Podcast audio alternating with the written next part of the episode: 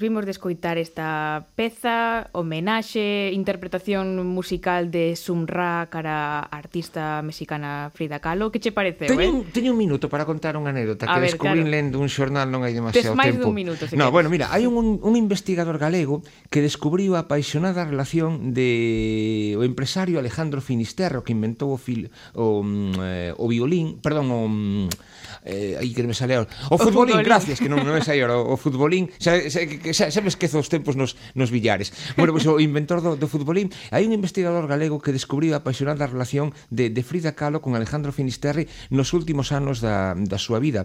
Eh, bueno, era, como ti se sabe, xa estaba postrada na, na cama, eh, xa mm. estaba moi dolorida, xa acababan de, de amputarlle unha perna, entón Frida Kahlo eh, aparecen unhas cartas, ela tivo unha importantísima eh, vida eh, epistolar, entón eh, hai unha, un, unha carta que conta a un dos seus, non sei se o último, pero si dos seus penúltimos amantes, que decía así textualmente como Alejandro, fin de tierra, mi niño amado, me pregunta si te quiero y yo te digo que eres de mis amores uno de los que más he querido. Entón, eh, bueno, hai un, eh, un investigador aí poquinho eh, puso isto, fixo, fixo público isto nos, nos medios de, de comunicación, entón, pois, eh, bueno, parece ser que hai unha conexión de Frida mm. Kahlo con Galicia, e logo outro día que pases por Radio Galega Música, contoche unha historia que que tamén Carlos Baute, mmm, non sei se lle gusta ou non Carlos Baute, pois supoño, ao mellor se che colle Ten o seu momento, ten o seu momento. Bueno, pois está producindo, ten unha idea de de producir unha serie eh para televisión sobre Frida Kahlo, sexa que mira a actualidade deste personaxe en relación co, co Collas Galego que, e con esta posta, non? Que Frida Kahlo sempre vai estar de actualidade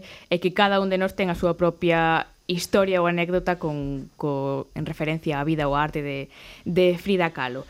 Eh, pero estamos falando de, de Sumra, uh -huh. un trío de jazz eh, nacido en, en Compostela. Eh, se falamos de jazz en Compostela, eh, temos que eh, falar do desaparecido Dado Dada, me parece, non? Mítico, que, um, mm, que boa esa recomendación que faz, porque mm, todos os grandes do jazz dos últimos 30 anos en España pasaron polo Dado Dada.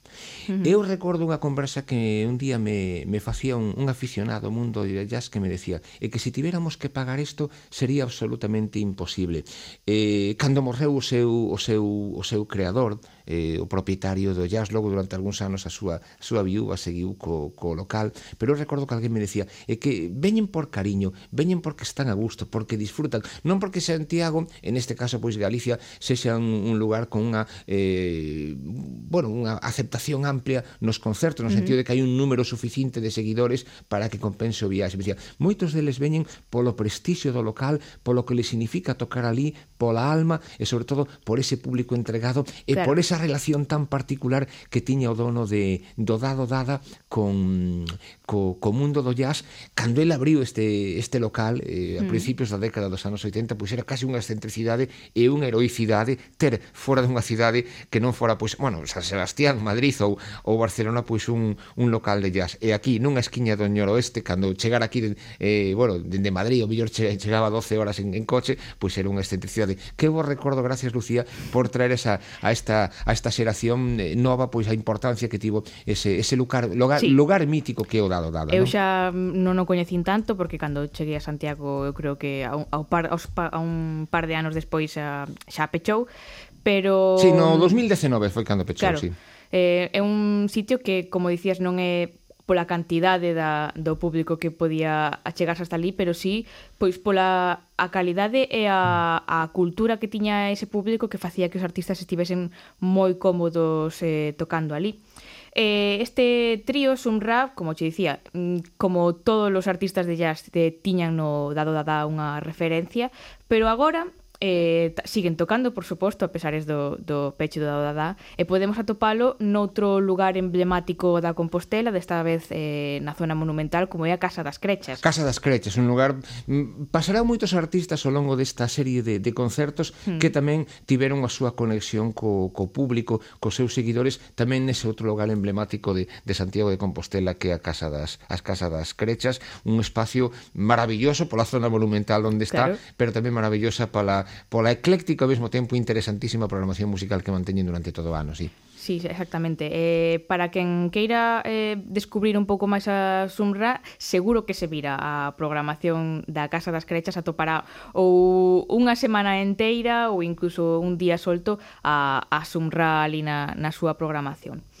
Eh, estamos escuitando, para quen acabe de sintonizarnos, eh, Galicia Emerxe, que é un ciclo de concertos eh, de colaboración de CRTVG con Agadic.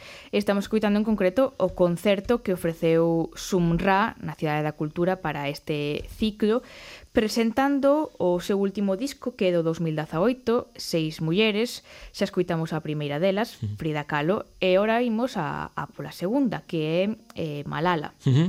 Non sei se coñeces un pouco a no, Malala. Non, non, contame, contame esa historia, porque tamén é moi importante cando escoitamos así unha creación uh -huh. colectiva ou monográfica relativa pois a un, a un tema común, por, tedes un poquinho esa información previa que creo que logo nos axuda moitísimo a, claro. a disfrutar un pouco máis de, dese de percorrido musical. O mellor noutros casos non é tan importante, pero neste uh -huh. sí que queren facer fincapé en que cada peza está dedicada a unha muller.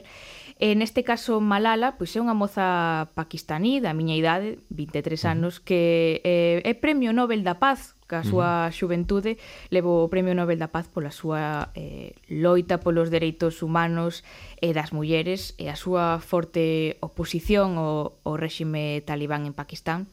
Eh, sufriu mesmo atentados por parte dos, dos talibáns eh, e agora está, bueno, aprendendo na universidade, formándose para ser unha gran eh, líder no futuro, como xa demostra eh, agora na súa xuventude. Eh, bueno, unha rapaza eh, que hai que mencionar e eh, que ter de referencia e por eso eh, Sun Ra nos ofrece esta esta, esta canción mm, dedicada a ela, a súa a súa peripecia vital uh -huh. e un pouco a esas a esas ensinanzas, a ese contacto un pouco tamén reivindicativo que tenga que tenga música de jazz que moitas veces supoño que nos pasa un poquiño un poquiño desapercibido. Mm, unha peza na que seguro veremos eh, trazas da súa xuventude e tamén da súa rebeldía. Pois imos a disfrutar entón. Escoitamos Venga. a Malala.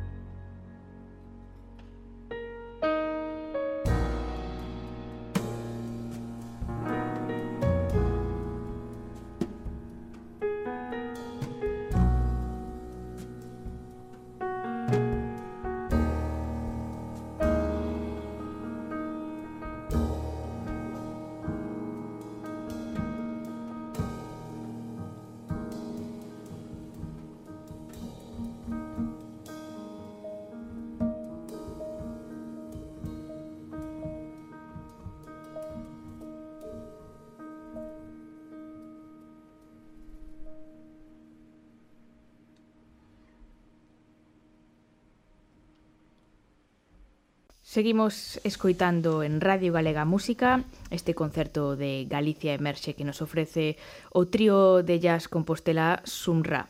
Vimos de escoitar eh, a peza dedicada a Malala, Premio Nobel da Paz.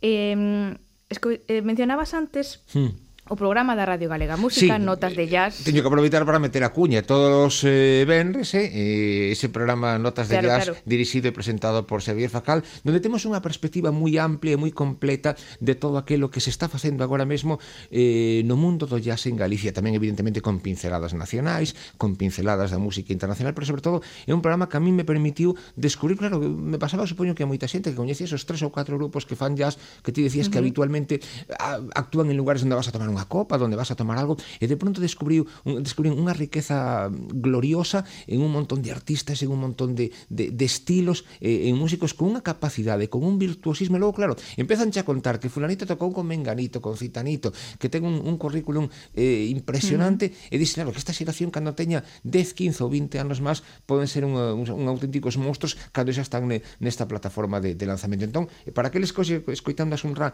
teñan interés polo, polo jazz en Galicia que xa saiban notas de jazz aquí na, en Radio Galega Música os venres pola noite e logo ademais queda aí, igual que este programa quedan os podcast na mm. página web desta casa que con un certo aire de atemporalidade pola mañán, pola tarde, pola noite a fin de semana ou de lunes a venres podedes escoitar estos, estos programas que non solo permiten escoitar música de jazz porque é o que decimos sempre aquí Lucía máis eu non que o sea, hai un montón de playlists vas a Youtube, vas a Spotify vais a Amazon Music que tes aí miles e miles de cancións pero, pero un pouco pero non é o mesmo non é o mesmo, escoitalo eh, por ti todo, mesmo claro, que que no eh, caso do jazz, que teñen que situarte, que teñen mm. que explicarte, que teñen un pouco mm, eh, poner en contexto todo aquilo que, que se está facendo dentro dese campo e dentro dese, dese abano tan amplio que como tienes, nos estás facendo agora, pois pues, non está un pouco tamén permitindo mm. eh, bueno, escoitar con outros oídos estas, estas músicas que o mellor non coñecemos tanto. Que estamos escoitando jazz contemporáneo, pero mm. non podemos esquecer que o jazz ten xa máis dun século de vida cando naceu ali na música negra americana en Nova Orleans. Eh... Os felices anos 20. Sí, sí, ali no, no comezos do, do século 20.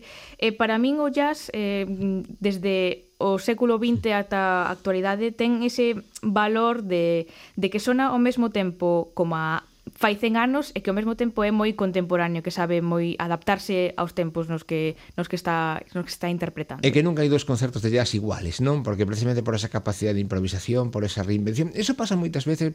Eh, tamén é algo que, que bueno, os aficionados á música foron descubrindo así que pasar dos anos, non? Ti vas a un concerto de rock, vas a un concerto de pop, e normalmente ás veces incluso eh, molesta un poquinho o feito de que eh, a canción non son exactamente igual que no disco. Ahora as novas xeracións son sí, un sí. distintas, non? Pero houve unha época que a xente incluso se molestaba pasaba cando o, arti o artista pois facía un desenvolvemento. Cando saía do papel, claro, cantaba sí, unha frase cando, sí, ou se, o mellor facía un longo de guitarra de 7 8 minutos mm. e tal, non? Pero no jazz non, o público de jazz, o jazz require precisamente que cada concerto é único, cada concerto é indivisible, e ti o mellor tes toda a discografía de un grupo, tes eh, todos os grandes éxitos, incluso as grabacións accidentais, e de pronto vas a velos nun concerto e sí, aí sí. sempre hai algo distinto, sempre hai algo diferente, porque tamén a conexión de, do mundo jazzístico co mundo do, do público, seguramente porque é unha música que gaña moitísimo en espacios pequenos, en, en, en moi, eso, moi íntima. Moi íntima, donde ao mesmo tempo hai unha, unha comunicación moi grande entre entre o público e os, e os músicos, pois evidentemente eso tamén provoca unha, unha empatía, unha empatía peculiar que todos aqueles que disfruten do jazz en directo. Mm. Sei de moita xente, por exemplo, que non merca discos de jazz, non escoita programas de jazz na radio, pero que sin embargo, cando saen pola noite, sí que prefiren ir a escoitar, mm, ir a tomar algo, como se di popularmente, pois a un local donde este tocando un grupo ou un trío de jazz en lugar de, non sei, da mellor un cantautor, un un grupo de pop ou un grupo de rock, sino que, que lles gusta o feito de, de escoitar música en vivo, en directo, que, que forme parte dese amplio abano. Claro, estamos falando de jazz como que fala de Rusia ou de Europa, claro, que eh, decimos jazz así xenéricamente. Claro, depende entonces, moitísimo claro, da, tanto do artista estilos, como das súas... tendencias, eh... movimentos, hai un, hai un montón de... Nos falamos así un pouco, bueno, xenéricamente, pero logo dentro do jazz hai un árbol donde hai un, un montón de, de ramas sí, moi distintas. ¿no? Complejo. Por eso nunca, nunca me gusta eso que dime, a mí non me gusta o jazz. Vamos a ver. Que claro, jazz non che claro, gusta, non? É como se si non me gusta, claro, que me dis, el camino me gusta, eh, non sei, a comida cocida. A ver, que, que tipo de comida cocida non te gusta, non? Porque hai 200 platos cocidos que se, que se poden que se poden preparar. Pois pues isto é un pouco a mesma a mesma historia. Claro, dicías que os que o mellor afeccionados mm. de jazz non compran discos de jazz porque a música grabada ten o seu valor, por suposto, en todos os xéneros, pero mellor no jazz o que o que lle dá a súa calidade, a súa, o que o fai especial é que ti vas a un concerto, o mellor dun grupo como Sumra que coñeces moi ben, que sabes que che gusta, e non sabes moi ben o que o que te vas a encontrar, non? Non porque... ten nada que ver o mellor con que ti coñecías doutros, incluso doutros concertos previos, porque uh -huh. incluso eh, non hai dous concertos, dous concertos iguais, non é ese mm, como fan moitas veces os grandes artistas nas xiras estas internacionais que poñen o piloto automático, non? no, é que ti da igual que vexas o artista en New Orleans, en Miami, en Madrid ou en Santiago de Chile, senón que o concerto vai pola escaleta. So di eh... que boas noites Santiago. Encantado de estar aquí, sí, non? Sí, sí. Pero logo o 95% das cancións son as mesmas, incluso tocadas no mesmo orden. Eh, uh -huh. no, no mundo jazzístico creo creo que isto é un poquinho máis distinto. Por moi grande que sea o sí. artista, nunca vai a, a tocar ter dúas veces un concerto eh, igual, igual que outro. Sí, señora. Entón, seguimos escoitando a Sumra, eh, este grupo compostelán de, de jazz. Eh, como dicía, neste disco seis mulleres imos recuperar a unha terceira que é Qiu Jin. Uh -huh. Que, que me podes contar? Que foi unha revolucionaria eh, chinesa que se enfrontou mm, tanto mediante as armas como mediante a palabra contra a dinastía Qing, que foi eh, a última dinastía de China, que logo viría a, a República que coñecemos agora, e ela foi pois eh, unha persoa moi importante para que rematase esta, esta dinastía, aínda que, mm, por desgraza, non o puido ver porque con alrededor dos 30 anos foi decapitada polo réxime da dinastía Qing. Qué bonito esta historia que me contas. Mm, bueno, triste, pero ao mesmo tempo claro. bonito no sentido de que como, como a música nos permite interactuar coa personalidade, coa singularidade de mulleres importantes, mulleres esenciais na, na historia de distintos ámbitos da arte, da política, da, uh -huh. da vida social e como hai un grupo que dende Galicia, como é un rap, recrea todos estos universos e rinde este particular homenaxe internacional dende este eh, recuncho galego para, para o mundo inteiro. Claro, porque nos podemos preguntar, que fai un trío de Jazz de Santiago eh, adicándolle unha canción a unha revolucionaria chinesa. Pois o que fai eh, o resultado que imos escoitar agora que este Kyujin.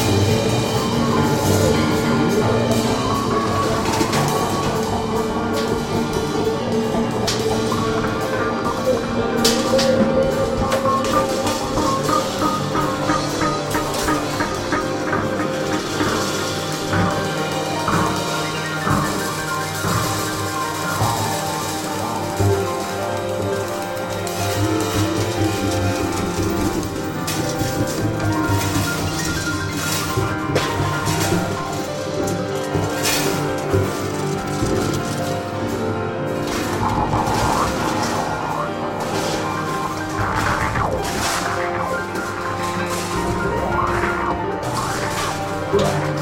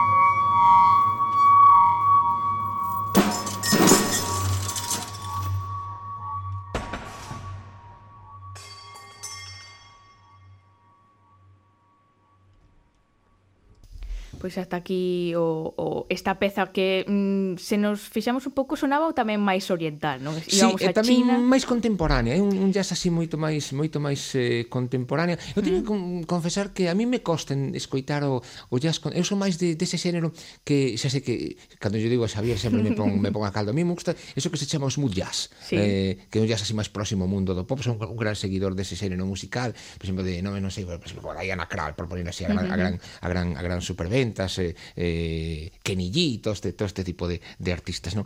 Pero si sí hai que, hai que recoñecer que este traballo que están facendo eh, Manuel Xacobe eh, elegido, pois pues, eh, é moi interesante porque me permite descubrir un jazz que o mellor moitas veces era un, er, er, eres un poquinho máis reticente, pero cando entras nel, sí. tamén costa desengancharse. Un jazz eh, totalmente diferente e tan diferente que eles mesmos nalgúna entrevista teñen dito que non saben exactamente se o que fan é jazz.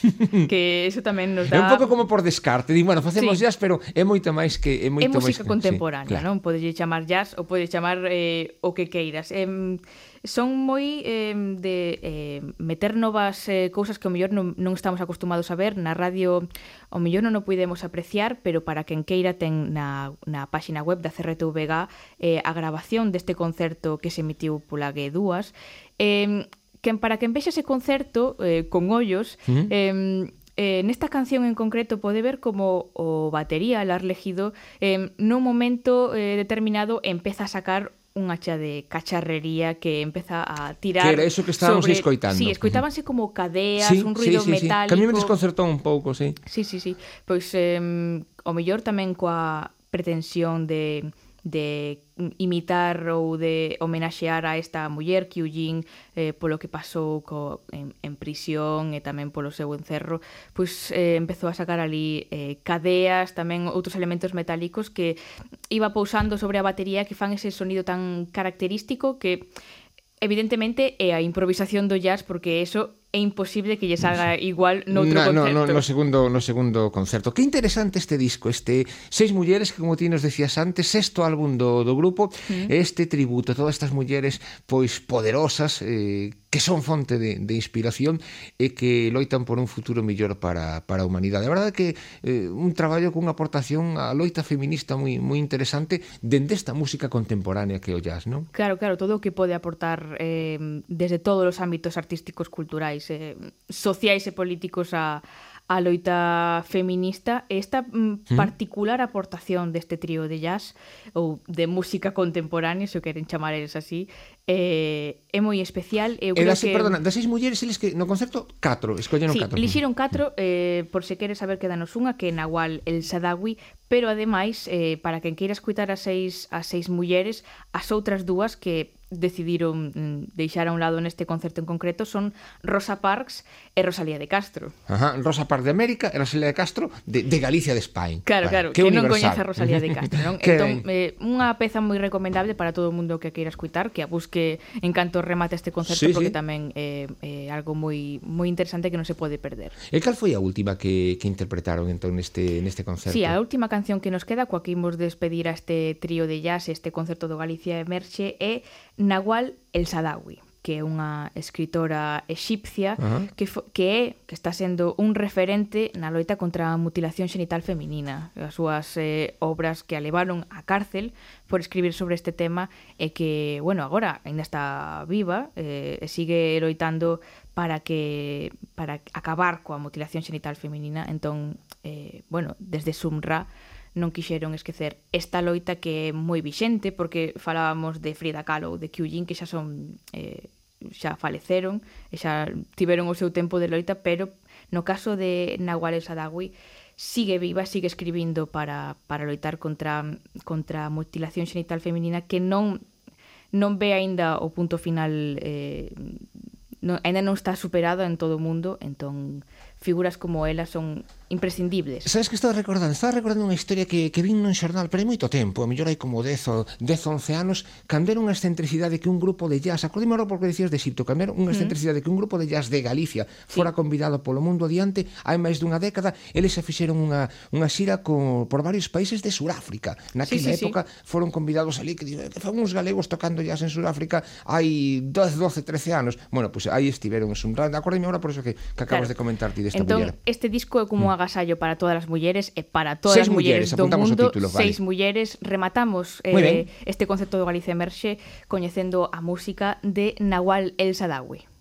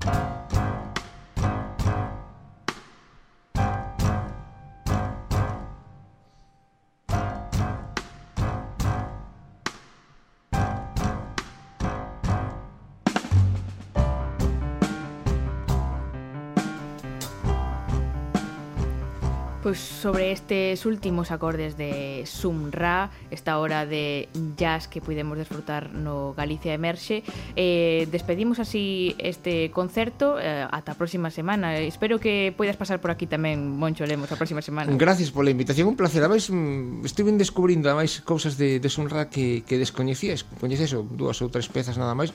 Eh, foi un, un placer, a verdad. Uh -huh. eh, quédome con ese, con ese nome deste disco, con estas seis mulleres para seguir escuitando agora cando, cando rematemos o programa. Gracias, Lucía. Moitos máis artistas que nos quedan por coñecer na, na Radio Galega Música. Ata a próxima semana.